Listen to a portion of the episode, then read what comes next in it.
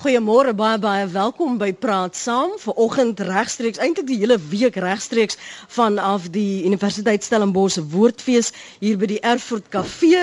Dit is 'n Erfurt Huis Museum. Jy vra net vir die mense, "Waar is dit?" en hulle sal vir jou sê. Andersins, ry in elke pad af en soek net die SRSG Sambrele. My naam is Lenet Fransis. Is lekker om weer hierdie week vanaf Stellenbosch uit te saai en baie welkom. Spesiale welkom natuurlik aan die gehoor wat al reeds hier sit en vir u by die huis. Baie dankie vir die inskakel. Dankie dat jy RSG as jou gespreksgenoot kies.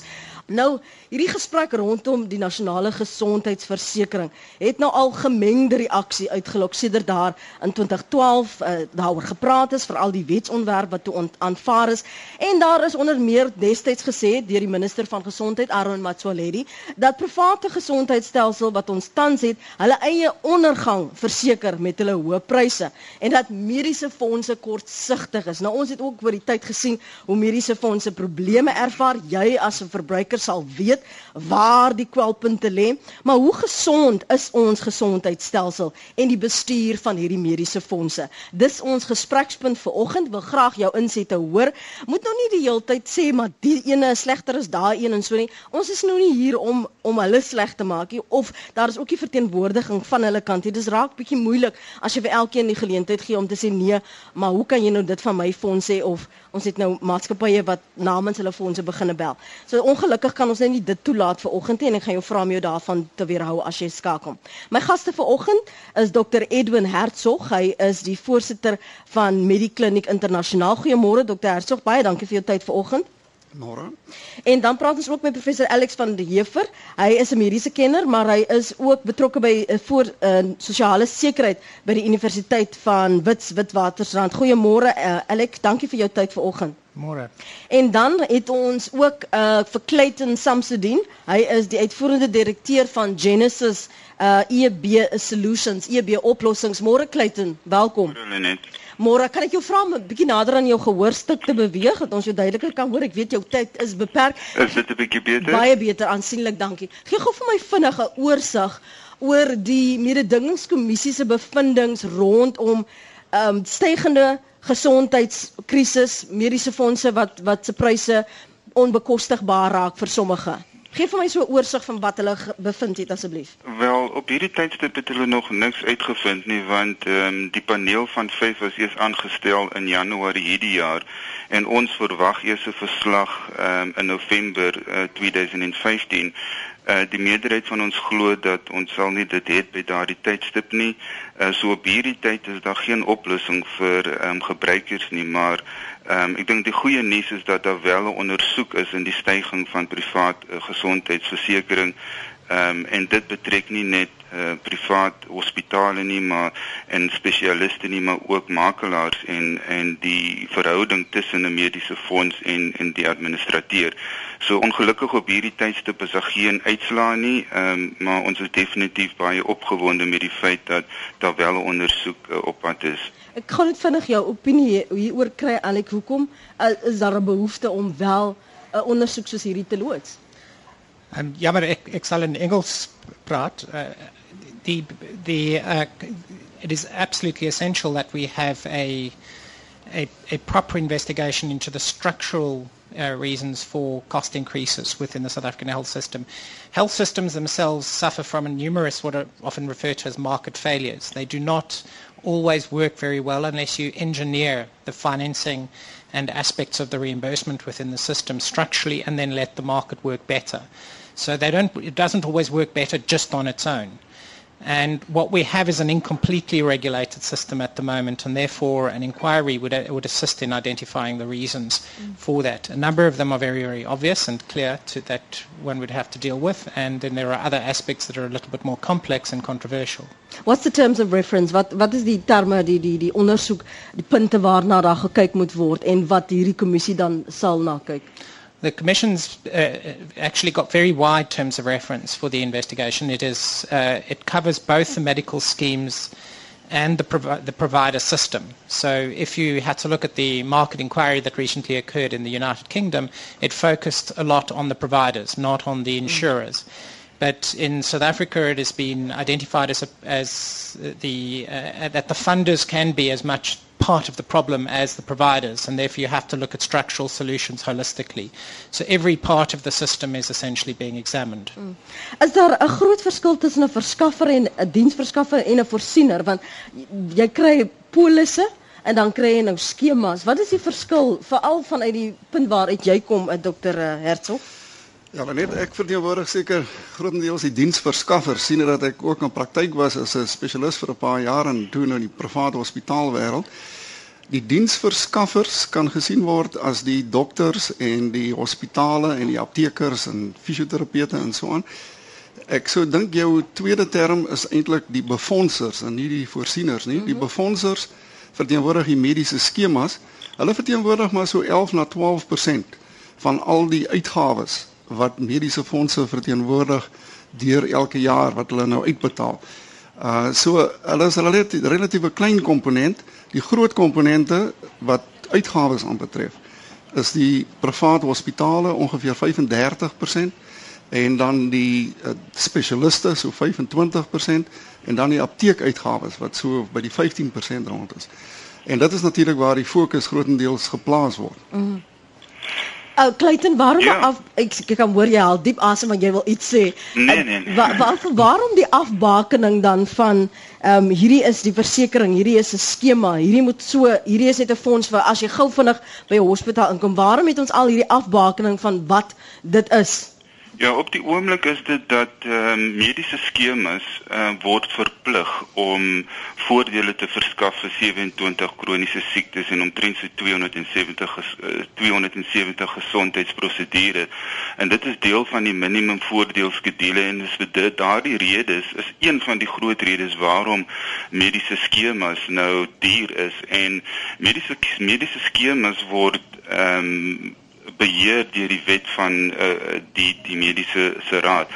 Uh, en dan het ons uh, die mediese versekering en uh, versekeringsprodukte word nie verplig om na hierdie minimum voordeelskedules uh, uh, voordeel te tref nie en vir daardie rede is hulle verskriklik goedkoper.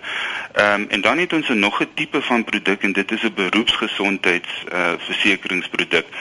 Ehm um, en dis waar die afbakening um, debat inkom en die rede daarvoor is net om om om eerstens om te verseker dat hierdie produkte nie mediese skemas ondermyn nie. Uh maar ons het ook gesien in Oktober verlede jaar het tesorie gesê dat daar wel 'n plek is vir hierdie mediese versekeringsprodukte, maar hulle sal moet gereguleer word. Ehm um, en dit is goeie nuus vir die verbruiker en as ook vir burgers omdat ons nou eh, 'n uh, situasie het waar ons uh, die nasionale versekering sal hê. Ons sal definitief privaat versekering ook hê en en ek dink in daardie opsig sal daar omtrent drie verskillende ehm uh, oplossings wees wat dalk mediese skemas, mediese mediese versekerings as ook beroepsgesondheids ehm um, sal hê. Yeah, maybe just to comment, I think that there, this the the development of short-term insurance as a parallel insurance market to medical schemes represents a serious problem for the sustainability of medical schemes going forward. The regulation of medical schemes or, or health insurance in general, the, the, the, proper regulation requires that you, you have um, a, a requirement, a number of social protection requirements embedded in them so that you can't risk rate. You can't select who comes on to insurance and that you must cover a certain minimum package. If you have that kind of regulated insurance market competing with um, products that don't have to comply with that, then you're going to have uh, essentially anti-selection against the environment. And anti-selection is where people only buy more comprehensive care when they start becoming sicker. So the uh, National Treasury, which has been part of essentially a, an ongoing conflict in the development of policy over the last sort of 12, 15 years, has started to, has actually been promoting the development of this largely unregulated insurance environment that's regulated for the purposes of social protection. And this represents a very dangerous trend. And we, we're seeing now, I think, in, in overall health policy development, um, a, a, a breakdown in leadership mm. because no properly regulated environment would tolerate the development of this kind of market. The medical schemes also can't make a profit. They're not allowed to distribute the profits of the medical scheme, although commercial players do, um, uh, like administrators contract on a for-profit basis, but not their surplus of the scheme itself. Mm. These products that are being sold essentially allow for full profits to be taken. And so this creates an incentive for anybody that's managing medical schemes at the moment to siphon money out of the scheme through basically selling these products on a sort of a, a, a back-to-back basis or deliberately creating gaps in order to sell the insurance to strip the profits out. Kan ek net gou vra waar pas hierdie nasionale versekeringsplan dan nou in? Want as ek na 'n fonds sou kyk of ek wil dienste hê by 'n diensverskaffer by 'n dokter, dan is hierdie my behoefte. Ek wil nie al die tierlantjies hê en daarvoor betaal as ek weet ek gaan dit nooit gebruik nie. So waar pas hierdie nasionale versekeringsplan in as as die behoefte of die antwoord vir die behoefte van die armes? En waar blaad dit 'n mediese fondse of 'n vir diensverskaffer soos 'n Medikliniek byvoorbeeld Dr. Hertzog? Kyk, ehm um, ek dink dat mens kan die hele benadering verdeel in twee fasette. Die een is is die privaat gesondheidsorg te duur en daar's baie mense wat ongemaklik voel daaroor. Tweedens kry mens waarde vir geld uit jou mediese fonds. En as jy dit nou beskou, dan kan jy sê dat die NG4, die NHI in Engels, is 'n poging om beide daai fasette te probeer aanspreek. Of dit die regte benadering is wat my aanbetref hang daar 'n groot vraagteken agter. Ek dink nie dit gaan vreeslik verskil maak nie. Ek dink nie dit kan eintlik regtig bekostig word deur Suid-Afrika nie. Ek dink dit gaan jare der jare vat om geïmplementeer te word. Maar professor van der Heever is baie nader aan daai vuur en hy kan miskien daaroor kommentaar lewer. Hy gaan sommer vir my nou al sê dit gaan nie werk nie. Regtig Alex. Yeah, it's uh, the I think it's largely been a political um set of proposals rather than a technical set of proposals. So when you actually start to look at the technical side of what's proposed, a lot of it doesn't make sense. And it's, so uh, the institutional framework that's considered is really a restructuring of the public system. Mm. But the restructuring that is proposed is, doesn't really make a lot of sense and would take years to achieve rather than actually correcting certain aspects of the public sector. In, in terms of the tax increases that are proposed, I mean, it was proposed that an amount of about 3% of GDP be raised as additional taxes to fund a universal package. The problem there is that 3% of GDP is an enormous additional tax. So it's about 35% increase in personal taxes if it were applied just to personal taxes. Mm. It's impossible to introduce that without a devastating effect on the macroeconomy.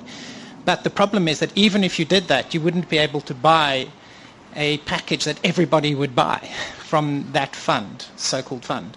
So technically, it hasn't been well thought through, and that's probably one of the reasons why nothing's really coming forward, but people are essentially keeping the name on the books because it's a political hot potato now to come to uh, and and to now come out and say sorry we made a mistake is quite difficult. Um, laat dit meer ruimte dan vir juis hierdie losprodukte sodat jy maar dit koop want dis al wat ek nodig het en as ek 'n hospitaal moet toe moet gaan dan kry ek net vinnige hospitaalplan omdat daar niks verseker is wat jy kan sê maar hierdie is die die plan vir jou jy kan niks anders bekostig nie. What you what you try and get in any system is universal coverage and you do that through multiple mechanisms. You don't use one single system.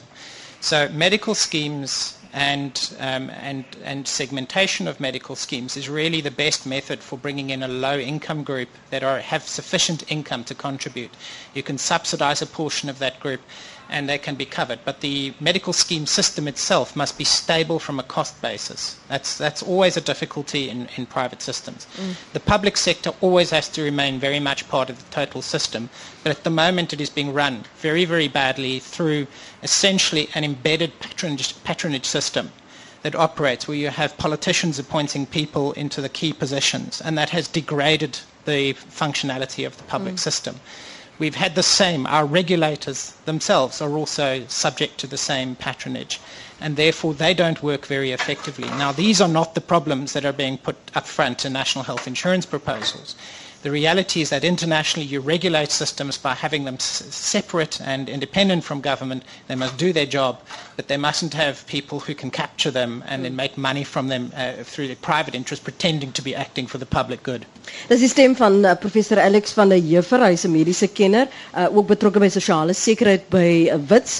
Ons ander gaste hier op die paneel in Stellenbosch is Dr Edwin Hertzog. Hy is die uitvoerende voorsitter van uh, voorsitter by Mediclinic in internasionaal en dan telefonies gesels ons terwyl die wind besig is om op te steek met Clayton Samsudin. Hy is by Genesis EB Solutions in Johannesburg, uitvoerende direkteur daar. Uh, vinnig van jou kant kommentaar uh, voor ons met ons luisteraars gesels Clayton. Ons praat vanoggend natuurlik as jy nou eens by ons aansluit, praat ons oor mediese fondse en gesondheidsversekering, hoe gesond hierdie stelsels is en jou tyd is 21 minute oor 8. Uh, Clayton Ja, sien gebeur ehm um, ja, ek dink in in, in slotsomming van my kant af ehm um, Lenet is dit net dat ons sit in 'n situasie waar hierdie versekeringsprodukte wat Alex nou net na verwys het, sekere mediese fondse het natuurlik opsies ehm um, en sommige van hierdie opsies het vrystelling van die minimum voordeelskedules en en dit veroorsaak dat hulle bydraes baie minder is as die van die die normale mediese skema opsies wat uh verplig is was is om minimum voordeelskedule ehm um, te, te verseker. So my redenasie is net dat op hierdie tydstip en ek dink 'n tesourier sit met dieselfde probleem. Op hierdie tydstip het ons nie ehm um, nasionale gesondheidsversekering nie. Ons het ook gehoor die minister van gesondheid praat uh, na die einde van van verlede jaar na universele gesondheidsorg wat wat eintlik privaat versekerings en nasionale gesondheidsversekering betrek. Ehm um, en is vir daardie rede dat mediese versekerings nou ehm um, in in hierdie afbakening debat ehm um, binnekom en en dat ons nou hoor vir die eerste keer dat hierdie produkte definitief 'n plek sal hê in die toekoms, maar dat dit wel gereguleer sal word om mediese skemas te uh, te beskerm. So my opinie ehm um, en en jy weet ons ons voel goed ehm um, dat daar wel 'n sekere produk daar is wat wat wel uh, die burgers kan koop wat veel minder is as wat mediese skemas is en ons almal kan nie mediese skemas ehm um, bekostig nie.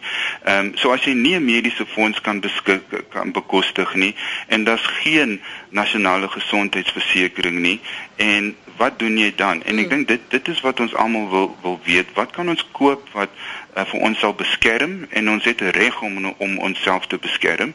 Ehm um, vir gesondheidsorg en en wat bekosbaar is en mediese mediese fonds is jammer mediese versekerings en beroepsgesondheidsversekering uh, is die antwoord op hierdie tydstip.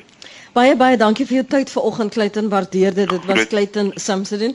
Hy is uitvoerende direkteur by Genesis EB Solutions. Baie dankie vir jou tyd. Kom ons gaan na ons lyne toe. Ehm uh, hier is die telefoonnommers indien jy wil saamgesels vanoggend. Kom uh, vra jou om te sê van waar jy skakel en wat jou naam is en dan kyk ek intussen na die SMS'e by 3343. Elke SMS kos jou R1.50 en jy kan ook 'n draai maak op ons webblad rsg.co.za of my volg en tweet by Lenet Francis 1 uh, Alex en Dr Edwin uh, Edwin verskoon my eers so gaan nou-nou reageer op wat uh, Clayton gesê het. Ook ook nie gehoor net geleentheid. Gee gee net vir my aanduiding of jy iewers 'n vraag wil vra of kommentaar wil lewer. Steek net die hand op en ons sal na jou toe kom. Dis hoe vinnig ons diens is. Môre praat saam met wie gesels ek? Uh, ek verkies om anoniem te bly. Goed. En um, uh, uh, ons het 'n groot probleem met die feit dat um, die mediese nie meer die diensverskaffers nie meer die hipokratiese eed aflê nie. En ons vind al hoe meer dat winsbejag eintlik die motief is. En die behandeling wat ons kry is duur en ook gespits op die diensverskaffers se se belange. Uh, ek dink byvoorbeeld aan uh, 'n hele hospitaal wat gesluit het oor die Kersvakansie. Ehm um, dis 'n kwessie van daar word nie 'n lokum verskaf of enige nood nie die hospitaal het dood eenvoudig gesluit want dit is Kersfees. Ehm um, dit dit behoort nie toegelaat te word nie. Baie dankie vir die oproep en Dr Edwin Hertzog gaan daarop reageer en dan gaan ons vir Alex geleentheid gee om ook te gesels rondom wat Clayton gesê het en die vloer dan oopmaak vir die gehoor wat wil saampraat op Terso? Net onderliggend aan die vraesteller se probleem ehm uh, is die hele kwessie van wins. Nou ek verskil miskien so 'n bietjie met Alex en ook meeste of baie ander mense rondom gesondheidsorg.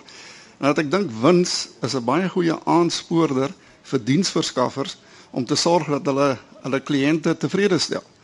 En uh oproepers en deelnemers net onthou dat as wins nie gegenereer word nie, kan belastings nie betaal word nie en die maatskappybelasting en uh, is 'n groot komponent van die inkomste van die staat om ook publieke hospitale en dienste te kan lewer. Ja, die uh toneel wat die inbeller geskets het, is 'n ongelukkige een. En mense verwag dat uh, gesondheidsorgdiensverskaffers empatie sal hê en sal probeer help, maar hulle het kostes en natuurlik moet hulle daarom hulle kostes kan dek en al wat die vrye mark vir hulle kan aanbied is dat daar moet keuses wees. Nou mense wat nie hoë genoeg inkomste het nie, moet na die publieke gesondheidsorgstelsel gaan en daar is dit die gehalte dikwels van wisselende aard. Dit uh dit gaan 'n probleem bly. Yeah, what I'd like to first of all comment on uh, on Clayton's um, assessment. The short-term insurance products that have been created are cheaper not because they actually um, price the services at a lower cost. They're, the prices of services remain exactly the same. All they're doing is not covering some people, and they're not covering a lot of, of, um, of health services. And very often people who buy those products don't understand that. the products are cheaper in, in one way because they're able to be cancel those products at the discretion of the insurer, whereas a medical scheme must carry on covering you. And, uh, and so essentially there are no pensioners on those products. So anybody out there that's actually worrying about having lifetime coverage can't get it from these products. Now the problem is that once you allow them co- to compete together with medical schemes, the medical scheme risk pools will degrade because the young and healthy people will go into these products and the old and sick will remain on the medical schemes, making them unaffordable. While all the service costs remain exactly as high as they were before. So the problem with this is it's a really bad and very stupid short-term strategy that National Treasury is pursuing. It's a, uh, and one that will have that will be very deeply analysed if they attempt to take it forward. Um, and it has nothing to do with national health insurance or universal coverage. It is just a, uh, a commercial enterprise and with no uh, socioeconomic or public benefits at all. Um, the, the solutions really lie in properly regulating the medical scheme system and, uh, and making sure that the public system is uh, effectively uh, managed and basically allowing for a re- properly regulated, not-for-profit, low-income medical scheme system to evolve. Now, that's on the issue of profits. I, I would, I think that you you have to look. The markets don't always work because, well because of profits. They can often work very badly because of profits. Mm-hmm. You have to look at how the system is structured and engineered. In the case of, um, uh, you have to look at, in, in the, specifically in the case of any system or, or market product where the person, the consumer, isn't actually directly driving the demand. You've got to be very, very careful about what's happening there. Now, in healthcare, when you buy your medical scheme or an insurance product, you're being advised by a broker who is being paid for, by the product supplier, and you're relying on that advice to buy the product. They're essentially receiving a kickback and the product is being sold on the basis of that. Now, they're making a profit from doing that, but the consumer is not in control. In the case of healthcare services, a doctor is very key to making all your choices for you. At the moment, there are for-profit relationships between the, a lot of the uh, um, a lot of doctors and hospitals, and as a consequence, there's a conflict of interest between them and further services that are being rendered, driving up costs everybody's making a profit, consumers not in control. Waar laat die verbruiker? Hoe maak jy dan 'n ingeligte besluit as al hierdie besluite uit jou hande geneem word? Well, the, it's a fundamental problem in an insured market like this that you have an, uh, uh, you, uh, that you, you've got this information problem. The consumer doesn't know how to control this decision. So typically in such situations, an agent comes in, and but an agent is somebody who advises you to break down the information gap that exists. But the problem is, instantaneously, anybody who's selling a product knowing that that advisor is going to tell you what's going to tell all the consumers what to do will start receiving um, uh, some form of kickback. Now, unless you prohibit that and stop it, you're going to have a big problem from a cost perspective. So we don't. In South Africa, we've essentially allowed conflicts of interest to be rife all the way through the system. And that is driving up costs, and it means people are buying healthcare they don't actually want. And it means that lots of products out there that are not very useful are also being sold. Dr. Herzog? dit geld natuurlik nie net vir mediese dienste nie. Daar hierdie kennisgaping tussen die verbruiker en die diensverskaffer bestaan aan regsdienste en aktuariële dienste, enige professionele diensverskaffer. En die mense wat as adviseurs optree, is seker geregtig op 'n kommissie. Alex noem dit 'n kickback, ek dink is 'n kras term. Ehm um, die uh, uh, weet by om te wys hoe moeilik en kompleks die situasie is. Alex weet ek is 'n sterk ondersteuner van wat in die mediese skema wêreld uh, die term word gebruik community risk rating, gemeenskaps risikoassessering teenoor individuele risikoassessering. Nou mense moet in gedagte hou dat mediese skemas is ook 'n vorm van korttermynversekering. En natuurlik mense wat gesond is, voel hulle dra onregverdig baie by en hulle subsidieer die wat siek is. Baie van die siektes is baie keer eh, self geïndiseer. So die mense wat siek is, wil natuurlik graag hê die ander mense moet hulle subsidieer. So hierdie kruissubsidiering is fundamenteel tot mediese skemas, maar ek dink meer as halfte van lede voel dis onregverdig. En Nou kry jy nog hierdie tussengangers in die administrasie en die papier wat vloei en mondelike bedrog. Dit is 'n komplekse situasie met baie fasette wat elkeen individueel 'n hele reeks verskillende antwoorde het. Ek wil gou vir ons uh, geluisteraars want ek kan sien hulle wil hê ek moet nou namens hulle praat so ek wil graag hulle SMS'e lees en die uh, kommentaar op ons webblad rsg.co.za ek wil net gou 'n aanduiding van die gehoor kry. Of daar enige kommentaar is enige spesifieke vrae wat jy wil vra gee net vir my vinnige aanduiding. En Jody sal na julle toe kom met die mikrofoon. Nee dis oké. Okay. Ons gaan terug na ons lyne toe Jody uh, op 0218829410 of 0218829621. Dis 0218829410 of 0218829621.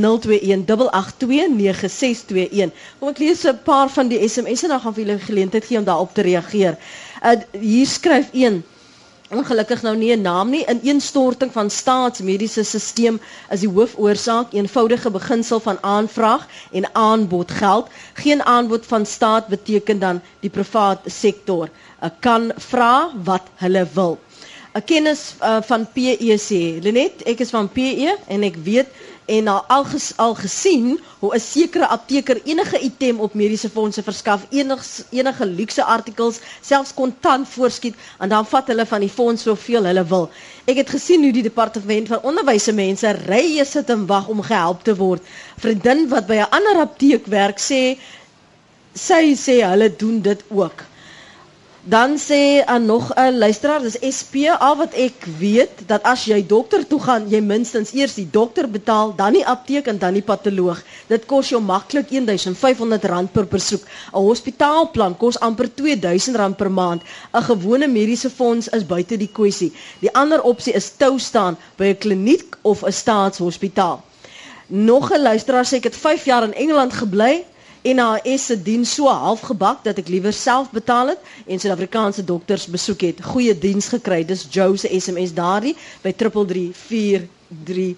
Dit kos vir jou R1.50. Koos sê ons betaal vir 5 ster behandeling en kry 1 ster sorg in private hospitale. Nog 'n mening, uh hier's bietjie ja, hier is hy daar. Môre as 'n mens aansoek doen vir 'n mediese fonds, wil hulle alles weet vanaf jy van wanneer jy begin werk het en watter mediese fondse jy gehad het, datums en so voort. Waarom alles 'n mens kan die alles onthou nie? Dankie. Gerard se SMS daar. Hoekom al daai vrae? Die duisende vrae. Dr. Hertzog, kan jy gou vir Gerard asseblief antwoord gee? Nee, ek is self nie seker nie. Gerard, jammer, ek kan jou nie help nie. Ek seker maar net om seker te maak dat jy nie jok nie en om jou mediese rekord is goed na te gaan. Dis wat ek nou uh, sou dink. Ek dink daar moet 'n bietjie lig opgesteek word met Nederland. Almal betaal dieselfde, net een bybetaling begin van die jaar. Hier kan baie mense nie uh die bybetalings bekostig nie. Dan is daar nou 'n luisteraar wat sê sy is 76 jaar oud, sy's 'n weduwee en sy betaal R3531 per maand en dan moet sy nog 'n bedrag op by as bybetaling op kroniese en sekere voorgeskrewe uh, medisyne doen. Die, die hoe word hierdie kostebepaling dan gedoen? Uh, kan jy kan jy vir ons 'n bietjie agtergrond gee die die bepaling van hierdie kostes vir wat? Want hier betaal en dit is so teenstrydig. Hier betaal die een uh, luisteraar 3500 ander een betaal 2000. Uh, ander een sê ons kan nie produkte bekostig ons moet maar net by die ou oh, hospitaalpannetjie bly want dit gaan ons deurdra. Hoe word dit bepaal en waarom is dit dan so moeilik om dit te reguleer? Want Jan Alleman gaan dit dan nooit kan bekostig nie. Well, I mean, one one of the reasons for a big variation in the in the contribution rates is the is that different schemes are offering different levels of cover, but all medical schemes must cover at least a set of uh, prescribed minimum benefits, mandatory minimum benefits, and they are pretty comprehensive, but they focus on um, on catastrophic cover. they they're more focused on, on hospitalization, major medical conditions, and uh, chronic conditions, mm. uh, rather than coughs, colds, and flu. So the uh, so they and now a lot of schemes offer um, uh, uh, less protection for those day-to-day type benefits, but um, essentially the, the premium might differ, but your monthly expenditure might actually be pretty much the same in many cases because you're just paying for your out of those day-to-day out-of-pocket as opposed to paying for it through your medical scheme. You, you end up paying the same because you probably see the doctor roughly the same every year. Mm. Um, the uh, in, in, as I was saying about the other insurance products, they don't become cheaper. They just cover much, much less. And the problem with those products is there is there is a time where they will refuse to cover you. So Yeah, so the, that's not a medical scheme. That's the insurance products. And the insurance products, they can refuse to cover you. And that's the reason they're cheaper, is because there's no pensioners on them. And that means that even if you become start to become sicker on those products, they can clear you out of the product. So it's not genuinely cheaper. But uh, so people who are younger and healthier might join those while they're young and healthy, and when they start to claim, their cover is eliminated, and then they try and join a medical scheme and they can't. The cost management of the system, I think, is a, is a complex issue, and, I, and a major part of the problem is that because it's insured, it means that people are less price sensitive when they buy these services. So some of the high cost that we're paying now is because consumers in general don't have a drive up the costs by using the services and it's very easy for service providers mm. to actually increase the prices without somebody fighting back. And that's one of the reasons why you need to put into the system again the things that create a natural reaction to these uh, to artificial price, cost and utilization changes that shouldn't be happening. Ek gaan vir ons luisteraars op die lyn vra om net vir 'n oomblik nog met my geduld te hê en dan kom ons na julle oproepe en kommentaar op ons telefoonlyne. Ek wil net ons een gas Dr Edwin Hertzog geleentheid gee om te reageer op wat Alec vanoggend gesê het. Net ja, eintlik die inbeller wat gesê het dit kos 1500 rand vir jy oë uitvee as jy 'n dokter gesien het, patologie ondersoek gehad het, miskien 'n ekstra en 'n voorskrif vir medisyne. En ek dink dit is na aan die waarheid, dit is korrek. Maar net om perspektief op die harde syfers te gee. Die gemiddelde voordeeltrekker van 'n mediese fonds se maandelikse bydrae is omtrent 1250 rand. Die hooflid betaal so 'n bietjie meer, afhanklikes betaal 'n bietjie minder. Nou as jy dit per maand vat, dan dek dit omtrent een konsultasie. Uh so in Suid-Afrika is daai tarief is natuurlik vergelykbaar met internasionale tariewe en wanneer ons in die wêreld van werklike kostes in beweeg, dan vergelyk Suid-Afrika eerstens in die privaat gesondheidsorgsektor baie swak in sekere afdelings, spesifiek ons apteekitems is duurder en ons hoë tegnologie toerusting is duur vanweë swak rand en die uh, diens van die toerusting na die tyd en so aan. Maar daar's ander aspekte wat baie goedkoop is. En wanneer mens in die publieke sektor met die private sektor wil vergelyk, spesifiek ten opsigte van hospitalisasie, moet 'n mens weet die kostes is baie na aan dieselfde. Net om daardie perspektief vir luisteraars in die agtergrond te gee.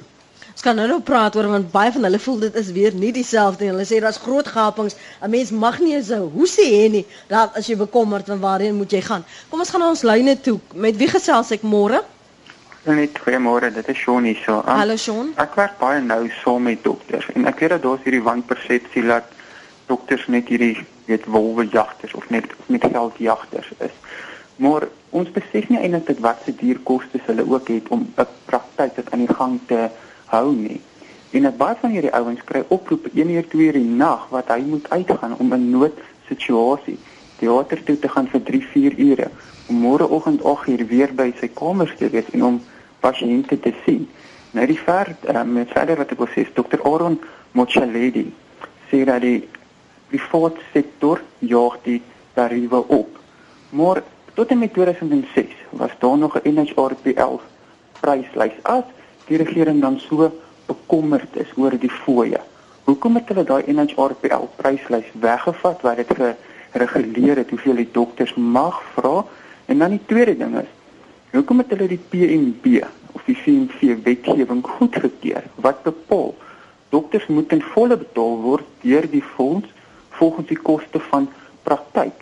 Want dit lei nou daartoe dat sommige van die dokters vir 'n sekere PMV kondisie meer vra as wat die fonds bereid is om te dek. En nog 'n ding is, um, ek dink dit was 2011 het hulle statistieke geneem. Januarie 2011 het ons omtrent 108 fondse in die land gehad. Desember 2018 het ons met 95 so die fondse toegemaak. So ek voel net die regering kan ook beter wetgewing mm. in plek stel indien hulle dan nou so vinnig die staat of die private sektor wil kritiseer. Goed. Ek moet jou ongelukkig dankie sê vir jou oproep. Ons moet aanbeweeg na die ander inbeller. Praat saam môre. Hallo daar. Hallo. Hallo. Ehm um, Kan jy my hoor? Ek kan nie ek probeer maar nader aan die gehoor gehoorstuk beweeg. OK, OK Lenet, dit is Josephine hier. Ja. Ek het net 'n vraagie daar aan jou mense. Ehm um, ek behoort aan 'n mediese fonds. Uh, ek is 'n pensionaris en nou ek behoort ek nou aan die mediese fonds. Ehm um, as jou pensioen tussen 0 en 10000 rand per maand is, dan is jou mediese fonds bydra 2283 rand. Nou my pensioen is R3900 per maand, maar my medies bly R2283. Uh die ou wat R10000 uh pensioen kry, betaal 18.5% medies. Terwyl ek wat R3900 pensioen kry, betaal 36.76% medies. Hoe werk hulle dit uit? Praat ek met my uh, uh, mediese fonds, verwys hulle my na pensioene. Praat ek met pensioene, verwys hulle my na die mediese fonds. Hmm. Nêrens is daar konsekwensie nie. Ja. Uh, ou uh, ou wat uh, dan gaan hulle na die volgende groep 10001 rand tot onbeperk met ander woorde die persoon wat tot 50000 rand pensioen per maand kry se mediese fonds bydra is 2300 rand hmm. dit maak nie vir my sin nie ja. dit wys my net hoe korrup is die hele stelsel Baie dankie vir jou oproep Josephine. Dankie dat jy aangehou het. Waardeer dit. Um ter aansluiting by wat Josephine sê, gaan jou nou kans gee professor uh, van die juffrou om te reageer op wat sy vra. Dat die feit dat die konsekwent betalings is nie konsekwent nie en die, die uh, bydraes van elke uh, lid van van daardie fondse. Nog net 'n paar kommentaar van ons luisteraars. Elsie wat sê ek was onlangs in 'n privaat kliniek. Hulle het 'n duvet onder my kop ingedruk want daar was geen ekstra kussings nie. Dan sê die ander een, ek weet van 'n semi-staatsinstelling waar die CEO aangedring het dat die personeel aan die fonds behoort waar sy aandele het. En dan sê die persoon dit is nie Kanada nie. En nog 'n mening, ek weet van apteke wat kosmetiese produkte verskaf en dit dan as medies eis gewoon nou kyk sy noem nou produkte in instansies en ek gaan nou nie dit kan doen nie. So hoekom is dit so in, nie so so konsekwent nie en dan ook die persepsie wat uh, Dr Hertzog aangeraak het dat mense dink dat die open, openbare sektor is veel goedkoper as die private dienste. Um, as jy dit vir my kort kan hou asseblief yeah, al. I mean I think uh, a couple of things. One one issue first of all on the cost side, the uh, the the it was a question asked why we why we don't have some form of price regulation on the the doctors. And uh, prescribed minimum benefits must pay out at full cost, and that causes price increases. Those two issues were raised. I think that in both of those issues, the um, medical schemes are actually in a position to negotiate those fees. They don't have to pay if there is overcharging, and they should be challenging those. But one of the problems that I have is that the Minister of Health has, has essentially interfered in the process of the Health Professions Council setting an ethical tariff and the process that they had recommended to try and um, create a distinction between overcharging and reasonable charging. Mm. This process was beginning last year and it was brought to a halt by the Minister of Health's intervention. So on the one hand, you have the Minister of Health saying, we've got prices increasing, and on the other hand, he doesn't want us to implement the legislative framework that would allow for a distinction, that distinction to be made so that when you're overcharged, you can challenge the Health Professions Council for being overcharged, and a medical scheme can challenge. In the case, and, and that doesn't make sense at all. In the case of pensioners and the position they're in, uh, very often to protect anybody who's in the open medical scheme environment, that's where they're, not, where they're joining a, a scheme which charges flat rates, structurally to help people in the post-retirement period is difficult unless you introduce systems like risk equalization, mm. where you can actually restructure the payments so that in, in every scheme there is a discount for people rather than a surcharge for people in the, when their incomes drop.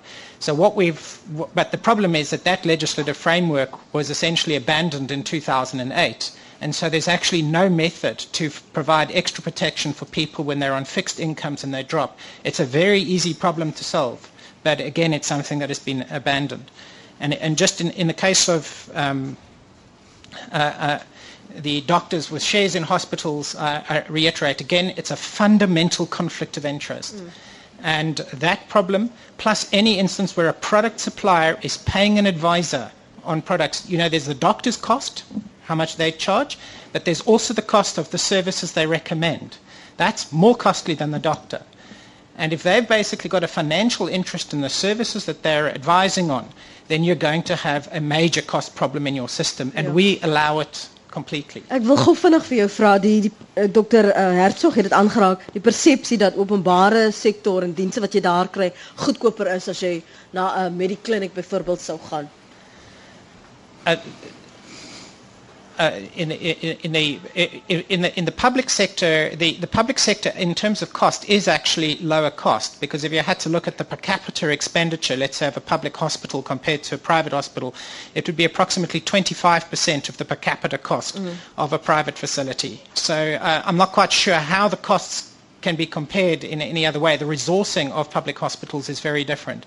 On the analysis that I've done, is that if we had to resource public hospitals at the same level, in other words, the same nurse ratios as the private sector, they would be at 50% of the cost of the current private hospitals. So I think that we've got a very big cost differential. Some of it's resourcing and some of it's other stuff. Uh, daar's 'n studie van Ramji gedoen wat sê dat uh, kost per event as jy nou 'n heupvervanging vergelyk privaat en publieke hospitaal is die publieke hospitale se werklike kostes is maar minder as 10% goedkoper. Natuurlik vir die pasiënt is dit baie goedkoper want 0,3% van mediese skemas se uitgawes gaan aan openbare hospitale. So en dikwels hef hulle nie eers 'n rekening vir baie gevalle nie. Net so 'n paar aanmerkings ook as ek mag. Asseblief. Ehm um, die ehm um, dame wat net 'n duwy in 'n privaat kliniek gekry het, hopelik kan jy na 'n ander hospitaal toe gaan. Ek meen dit is net nie goed genoeg nie en jy moet 'n keuse hê.